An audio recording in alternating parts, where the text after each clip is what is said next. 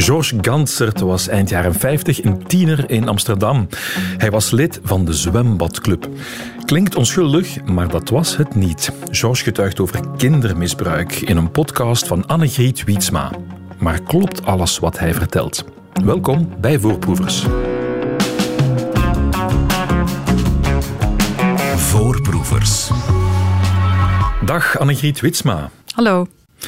Annegriet, jij maakte de podcast De Zwembadclub, een eh, zoektocht naar de waarheid van een verborgen verleden. Ik moet zeggen, ik was eh, diep onder de indruk van het verhaal van Georges, Georges Gansert. Hij is eh, de hoofdpersoon in je podcast. Wie is hij? Ja, Georges is een nu inmiddels bijna 80-jarige man die al heel lang weg uit Amsterdam, maar in zijn jonge jaren in Amsterdam heeft gewoond. En als uh, knaap van 14, als gymnasiast, stapt of, snabbelt hij eigenlijk argeloos wat bij. En komt zo een beetje op gang in de straatprostitutie en belandt van kwaad in erger. Dat is eigenlijk de basis van het verhaal. Uh, maar daarmee is het ook tegelijkertijd een zedeschets van die zompige naoorlogse jaren 50 in, in ieder geval in Nederland. Ik weet niet of dat een beetje vergelijkbaar is met dezelfde naoorlogse jaren in uh, jaren 50 in, in België. Waarin bij ons bovengronds die wederopbouw, maar ondergronds broeit en gist het leven nog. Mensen moeten allemaal moeite doen om de draad, de naoorlogse draad weer op te pakken. De een heeft in het verzet gezeten, de ander heeft uh, gehuld met de Duitsers. Afijn, de, de samenleving is een beetje in verwarring en in die periode groeit Jos op. Ja, dat verhaal over dat misbruik dat hij uh, als kind onderging, is dat een bekend verhaal in Nederland? Nou, nee, eigenlijk niet. Kijk, Jos heeft daar ooit een, uh, in 2005 al een soort eigen boek over geschreven. Dat is ook in mhm. eigen beheer uitgegeven. Maar er is eigenlijk helemaal niet zoveel aandacht voor gekomen. Ja, als je een boek in eigen beheer uitgeeft, moet je dan ook wel ja, van goede huizen komen. Wil je daar een beetje aandacht voor krijgen? Hij deed het ook onder een pseudoniem. Hij deed het ook nog onder een pseudoniem. Um, maar toen is in 2019 is dat verhaal opgepikt door een Amsterdamse krant, het Parool. Die heeft daar een artikel aan gewijd en hem ook gesproken over zijn boek.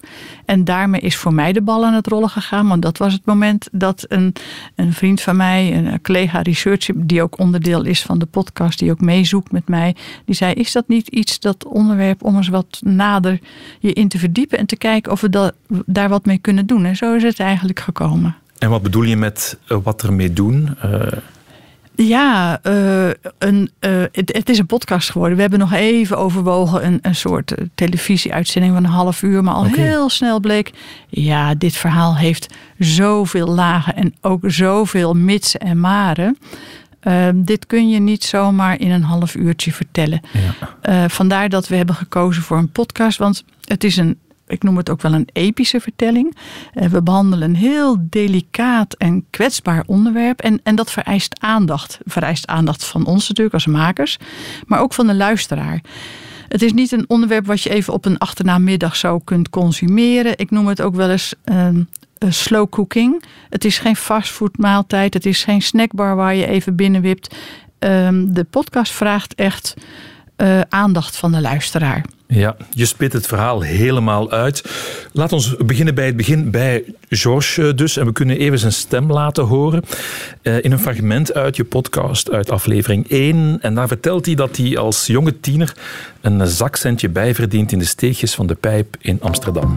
Ja, en dan was het nou, we een beetje verderop gaan staan, want daar was het donker. En dan zei ze, nou, laat hem eens zien. En dan zei ik, ja, maar dat kost altijd een gulden ik zorg er natuurlijk altijd voor dat je geen onderbroek aan had. Dus zo. En dan, nou, dan kwam hij eruit. En die, op die leeftijd is er altijd iets te zien, want het is stijf. Dus dat kost helemaal geen moeite. En dan is het, oh. Voor hoe vaak doe je het nou? Ik zei, nou, toch wel een paar keer per dag. Zeker drie, vier keer per dag. Dus nou, en uh, nou kan je het nu ook even doen. En dan ja, rukken. En dan moest je gewoon even concentreren. En zei, ja, maar nou moet ik toch spuiten als, het, uh, als u het goed vindt. Je moet het vragen. Het is de klant. Wat mij opvalt, hij vertelt het met een zekere nonchalance en zelfs een speelsheid uh, in zijn stem alsof hij er ja, als, als een prettige gedachte eigenlijk aan terugdenkt. Dat viel mij ook op. Ik ben, uh, hij woont in het zuiden van uh, Frankrijk. Ik ben een aantal dagen bij hem op bezoek geweest. Dat was ingesloten dagen heb ik hem geïnterviewd. Dat waren natuurlijk zware, ja, zware interviewsessies. Van s morgens tien was ik daar tot een uur of vijf. We lunchten dan ook samen met zijn vrouw. En um, eigenlijk heb ik hem het verhaal. Um, dat is wel hoe ik dat vaker doe met, met oral history. Dus mensen vragen naar hun eigen verhalen en belevenissen. Ik begin gewoon bij het begin. En dan hoor je ook aan stemmen van mensen, maar ook bij hem, voor in het begin was het voor hem helemaal niet zo problematisch. Want er stond, hij dacht, nou ja, je, je laat je piemel zien op straat en daar staat een mooie beloning tegenover. Het was een armoedige tijd, het was een armoedig gezin. Er was weinig geld in dat gezin. Hij wilde ook helpen, hij wilde zijn moeder uit de brand helpen met, met uh, financiële ondersteuning. Hij wilde zelf natuurlijk ook mooie spullen kopen. Dus aanvankelijk begint het dan met het universele verhaal van jongeren die ergens instappen en denken: Nou, er is een leuke beloning, ik krijg er wat geld voor.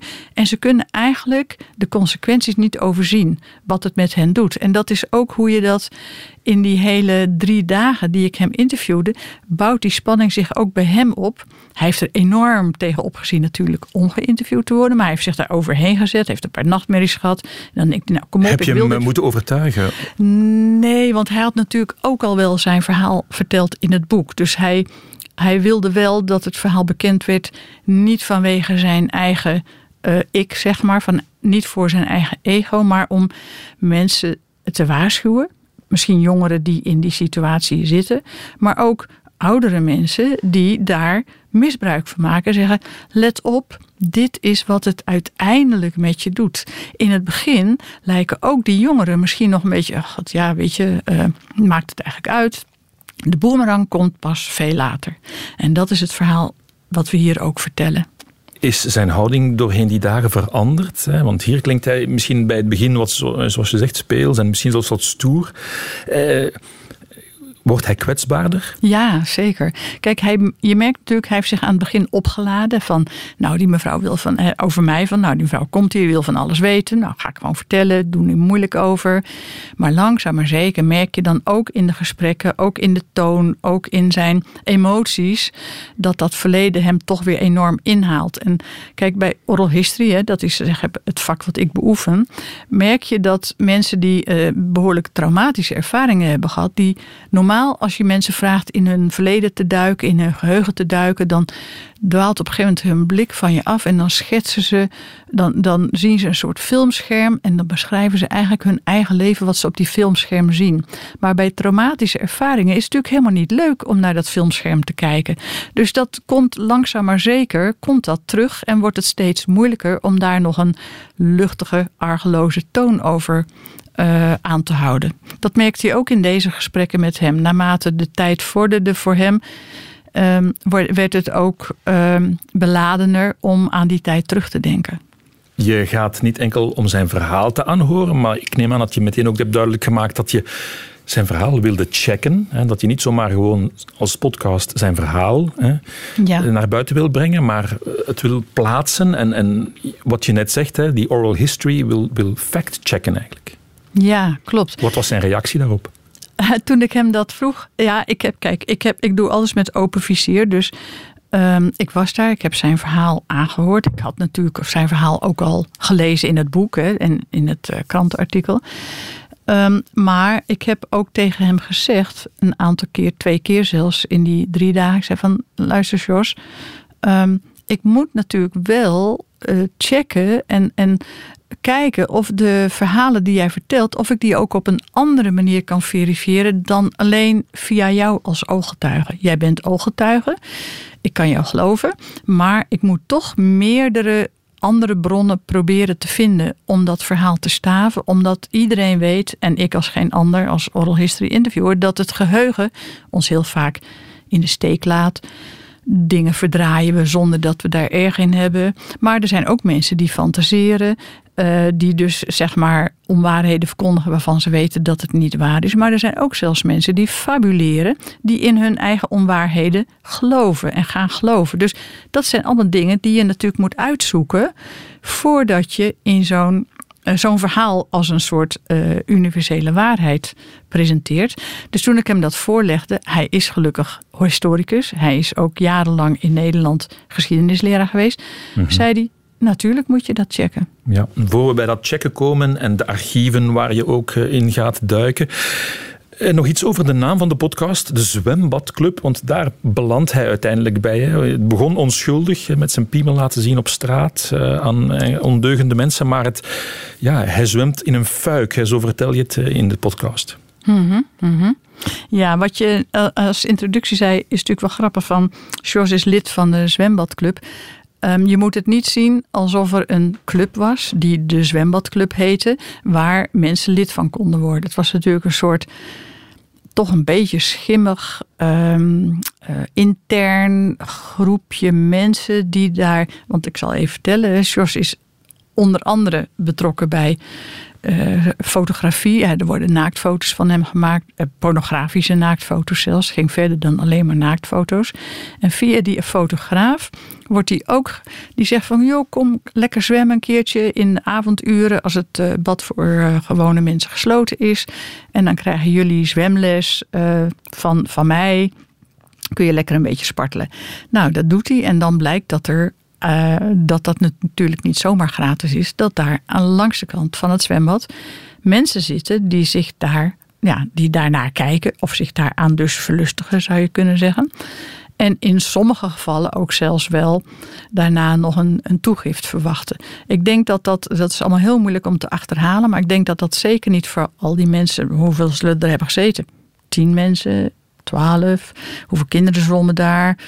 Acht, vijf, zeven. Dat is allemaal. Dus niet een vaste club met vaste mensen en uh, een naam. Het was uh, een beetje onder, ja. ja on, on, onder het water, zou je kunnen ja, zeggen. Ja, onder het water. Weet je wie er zat aan de rand van het zwembad?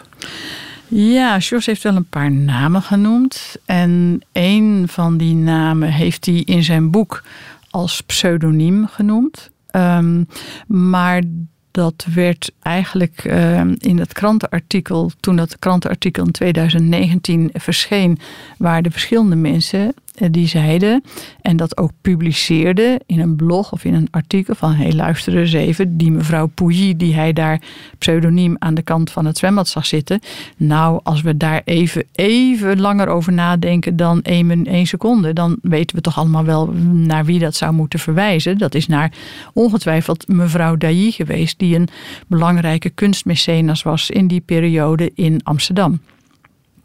En die hebben dat dus eigenlijk eh, gepubliceerd. Van nou, dit, ja, dit is weliswaar een pseudoniem, maar dat kan niet anders mhm, dan naar mhm. die en die mevrouw verwijzen.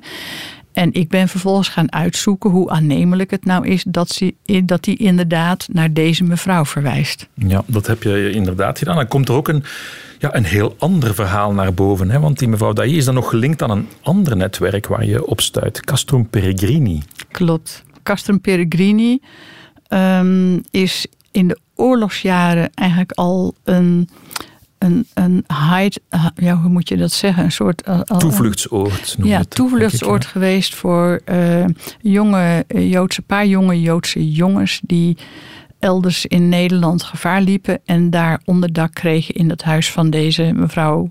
Die heette toen nog niet Dai, die heette toen nog Giselle van Waterschoot van de Gracht.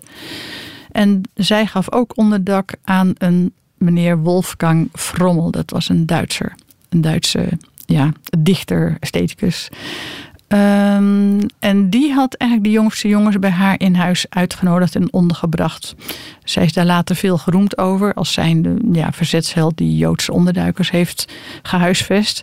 Maar ik denk dat voor een deel de huisvesting ook wel toen al andere redenen had. Namelijk dat er uh, dat ze daar, ze konden ook natuurlijk niet weg. Ze voelden zich daar ook heel veilig.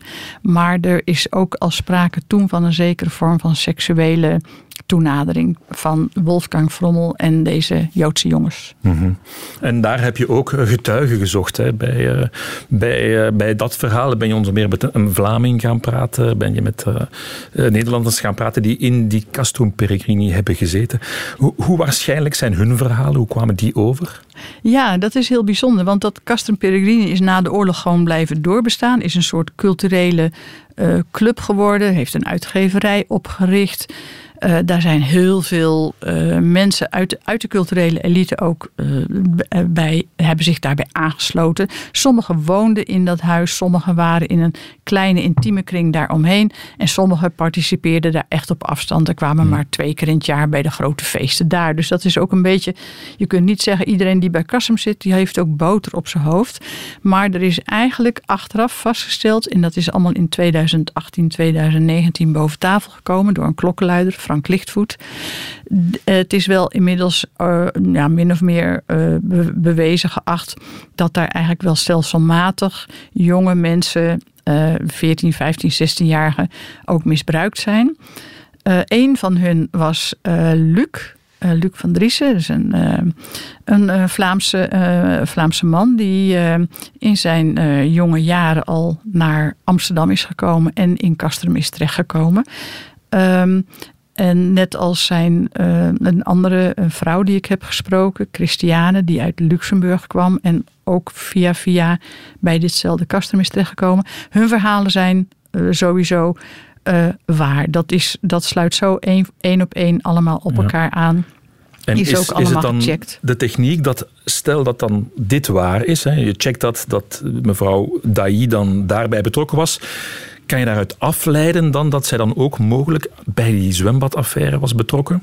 Nee, dat kun je niet één op één afleiden. Het zijn, kijk, dingen die zich af hebben gespeeld zo lang geleden. Hoe, hoe kom je daarachter? Hoe vind je daar harde bewijzen voor? Nou, harde bewijzen zijn er gewoon bijna niet te vinden. Dus je moet eigenlijk reduceren, deduceren, aannemelijk maken dat als dit waar is, dan zou dat misschien toch ook wel aannemelijk kunnen zijn. En zo kun je langzaam maar zeker zo'n net sluiten.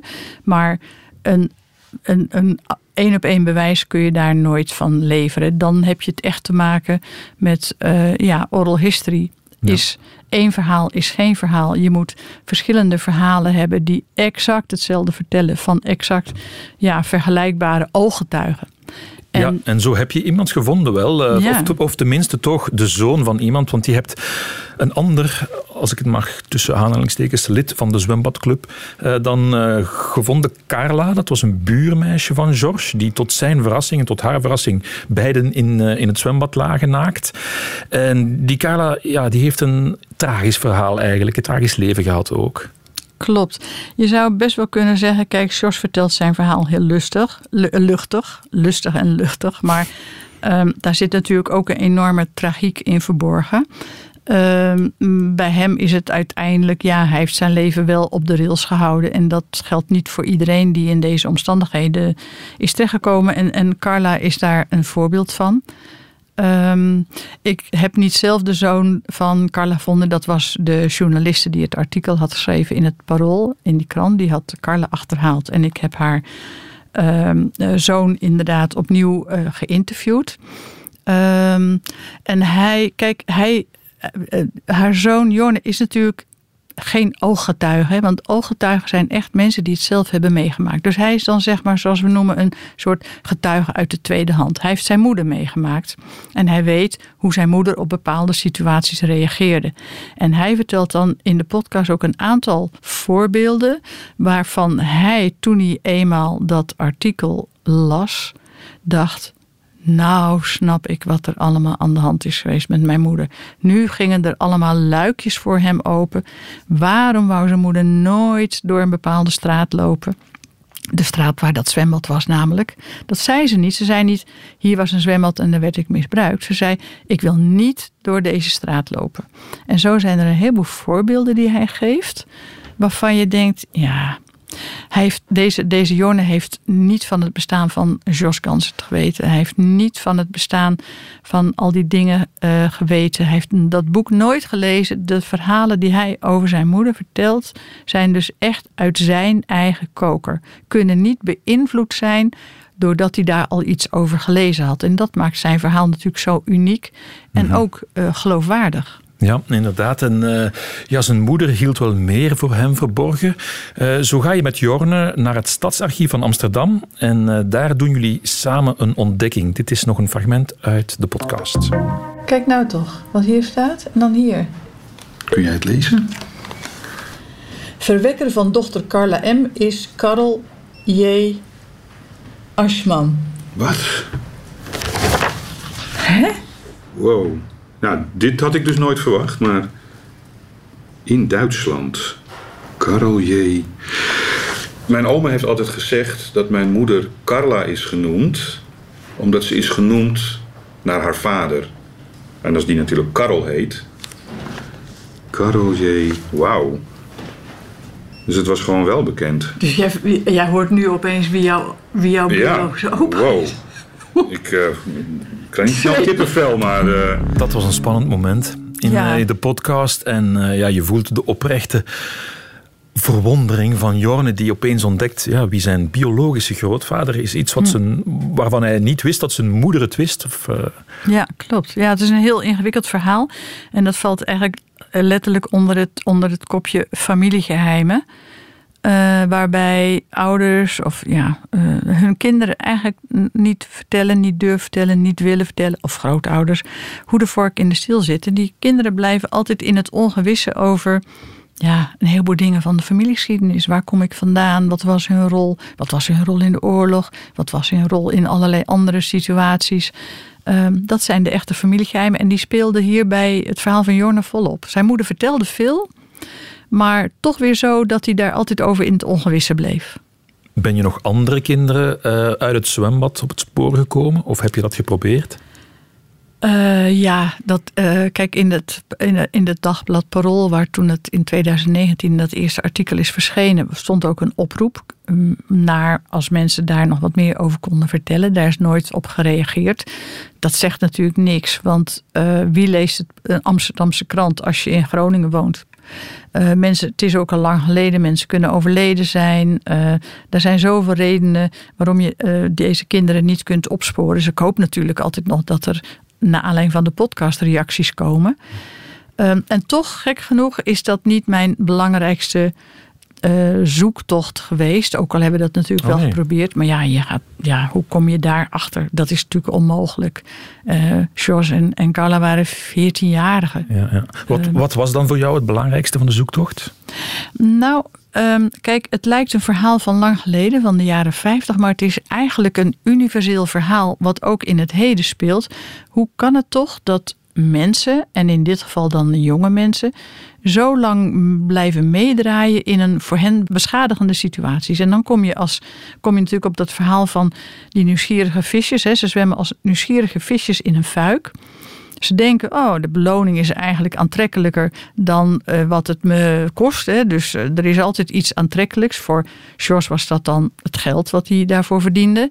Voor eh, Luc, en, Luc van Dries en Christiane Kubi was dat bijvoorbeeld eh, mee mogen draaien als heel jong mens in een, ja, in een culturele, prachtige eh, omgeving waar aandacht is voor kunst en voor museumbezoek en voor gedichten. En dat was voor hun een soort beloning. En ze dachten, nou ja, die rest nemen we dan, dat hoort er dan toch blijkbaar een beetje bij. En dat is eigenlijk, ja, wat je bijna zou kunnen zeggen, het MeToo-verhaal van nu. Ergens ingezogen worden en pas later snappen welke tol je daarvoor betaalt. En wat ik zo interessant vind, omdat het hier zoveel, zo lang geleden is. Ehm, deze mensen die ik hierover spreek, die kunnen genuanceerd en gebalanceerd daarover praten, omdat ze er al inmiddels enige afstand van hebben genomen. Ze kunnen er ook over reflecteren. En ze schilderen een, een palet aan kleuren in plaats van die, ja, dat gepolariseerde zwart-wit waar we tegenwoordig in praten. Iedereen is alleen maar goed of alleen maar fout. En zij kunnen daar alle nuances, zij kunnen schetsen de nuances van, ja, het levert ook iets op. Zeker dan. Daarom ga je er ook in mee. Ja. Maar en de tol- was de en de boemerang tijdsgeest ook anders misschien toen? Nu kijken we daar heel erg eh, met een vergrootglas eh, naar. En is het natuurlijk zeer fout, zo'n ding. Maar misschien was een context toen anders. Dat zou ik niet helemaal durven zeggen. Het is ook altijd wel makkelijk om te zeggen. ehm, de context was toen anders. Want het is niet voor niks dat het toen ook in het verborgene eh, zich afspeelde. En niet in het openbaar. Natuurlijk wisten de mensen toen ook al dat het niet in de haak was. Dat hoorde er ook bij. Geheimhouding was een onderdeel van, het, ehm, van, van de charme we houden dit voor onszelf, we houden dit geheim. Niet over verder praten, het blijft tussen ons. En als je denkt dat het binnen de tijdgeest van toen een beetje beter zou hebben gepast, dan zou je die geheimzinnigheid ook niet hoeven afdwingen. Dus ik, ik stel daar mijn vraagtekens bij. De laatste aflevering van de podcast heet Gebroken Spiegels. Hoe erg is Georges getekend eh, door het verhaal na al die jaren? Nou, je zou kunnen zeggen, als dit nou het enige was geweest, dan had hij er misschien makkelijker overheen kunnen stappen nog. Ik weet dat ik me nu op glad ijs begeef. Maar als je eenmaal een getekende jeugd hebt gehad, gaat het daarna, duurt het heel lang voordat je daar overheen bent. En kom je ook mm. makkelijker in andere valkuilen terecht. Dat is bijvoorbeeld bij Carla ook gebeurd. Die heeft het um, als kind, is ze eigenlijk ook van kwaad in erger vervallen. En dan is er op een gegeven moment, ja, tast het je toch je persoonlijkheid aan. Dus um, het doet wat met je, ja, het doet zeker wat met je, maar dat is ook omdat het daarna um, je, de rest van je leven ook beïnvloedt. En die optelsom van al die dingen maakt dat je op een gegeven moment terugkijkt. En dat is ook wat Jos doet met dat gebroken spiegels. En dan denkt hij, ja, hier sta ik. Dit zijn de scherven van, dit zijn de scherven van mijn leven. Hier moet ik het mee doen. Um, daar zit heel veel treurigheid in. Maar ik heb ook mijn best gedaan om dat, uh, om dat weer te overwinnen. Alle dat maakt hem heel krachtig. Ja, alle scherven worden samengelegd in je podcast De Zwembadclub. Je vindt eh, die podcast via je podcast-app. Dankjewel, Annegriet Witsma. Dankjewel. Dit was eh, Voorproevers. Je vindt de andere podcasts van dit programma in de app van VRT Max.